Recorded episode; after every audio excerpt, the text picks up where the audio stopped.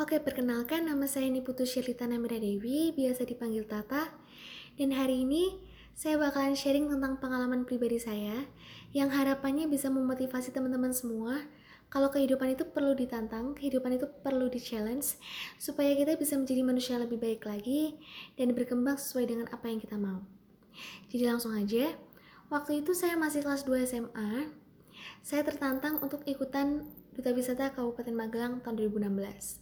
Kenapa saya tertantang? Karena waktu itu ketika saya ngeliat kakak kelas saya yang jadi duis, mereka seolah-olah punya nilai plus di mata saya. Saya ngeliat mereka adalah orang-orang yang cerdas, orang-orang yang berkepribadian baik, orang-orang yang serba bisa. Itu yang membuat saya termotivasi untuk daftar juga.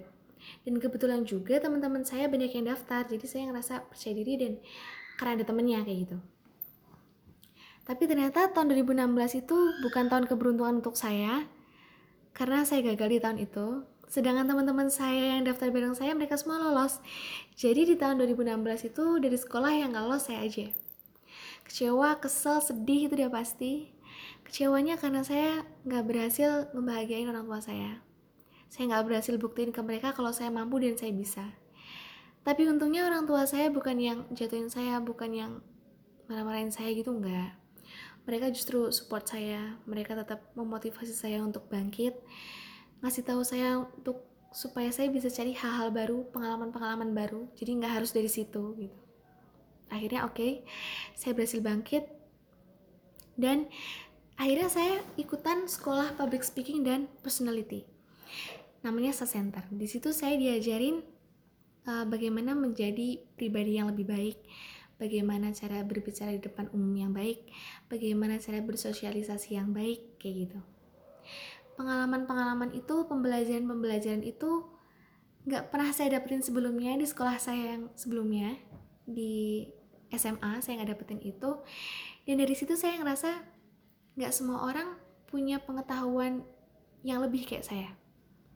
Akhirnya di tahun 2017 setelah selama satu tahun berproses, saya mencoba peruntungan lagi untuk daftar di Duta Wisata 2017. Saya nggak izin sama orang tua karena saya nggak mau ngecewain mereka dua kali. Saya takut kalau saya gagal, bakalan bikin mereka kecewa lagi. Gitu. Akhirnya saya daftar diam-diam dan puji Tuhan, tahun 2017 saya lolos, beruntung sekali. Dan setelah lolos, saya baru bilang ke orang tua kalau saya daftar, saya lolos, saya keterima kayak gitu. Mereka bangga, mereka support karena kegiatannya positif.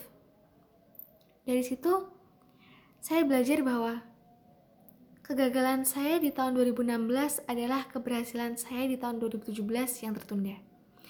Selama satu tahun saya belajar, saya mengintrospeksi apa yang kurang dari saya, saya memperbaiki kesalahan-kesalahan saya, Sampai akhirnya di tahun 2017, saya berhasil membuktikan bahwa saya mampu dan saya bisa. Kesempatan yang baik akan datang di waktu yang baik juga. Saya selalu percaya itu. Ketika saya berani untuk daftar lagi, dalam diri saya itu sebenarnya ada rasa takut, ada rasa gimana kalau nanti akhirnya saya nggak lolos lagi, akhirnya saya kecewa lagi gitu. Tapi ya itu yang namanya proses saya harus menerima, saya harus ikhlas, saya harus sabar, saya harus jalani semuanya dengan baik. Kalau misal pun waktu itu saya gagal, ya berarti karena saya kurang belajar kayak gitu. Tapi ternyata saya lolos dan saya dapat pengalaman-pengalaman baru, hal-hal baru yang nggak pernah saya dapetin sebelumnya. Mulai dari belajar MC, belajar model, belajar nyanyi segala macam saya dapetin. Itulah kenapa kehidupan itu perlu untuk di-challenge, perlu untuk ditantang, supaya kita bisa mengukur kemampuan kita itu seberapa. Kita itu bisa menjadi apa, seperti apa, itu tergantung dari diri kita. Jadi jangan takut untuk berproses, jangan takut untuk men-challenge diri kalian. Cukup sekian podcast dari saya, sampai jumpa di podcast selanjutnya. Semoga bisa bermanfaat untuk teman-teman semuanya. Terima kasih.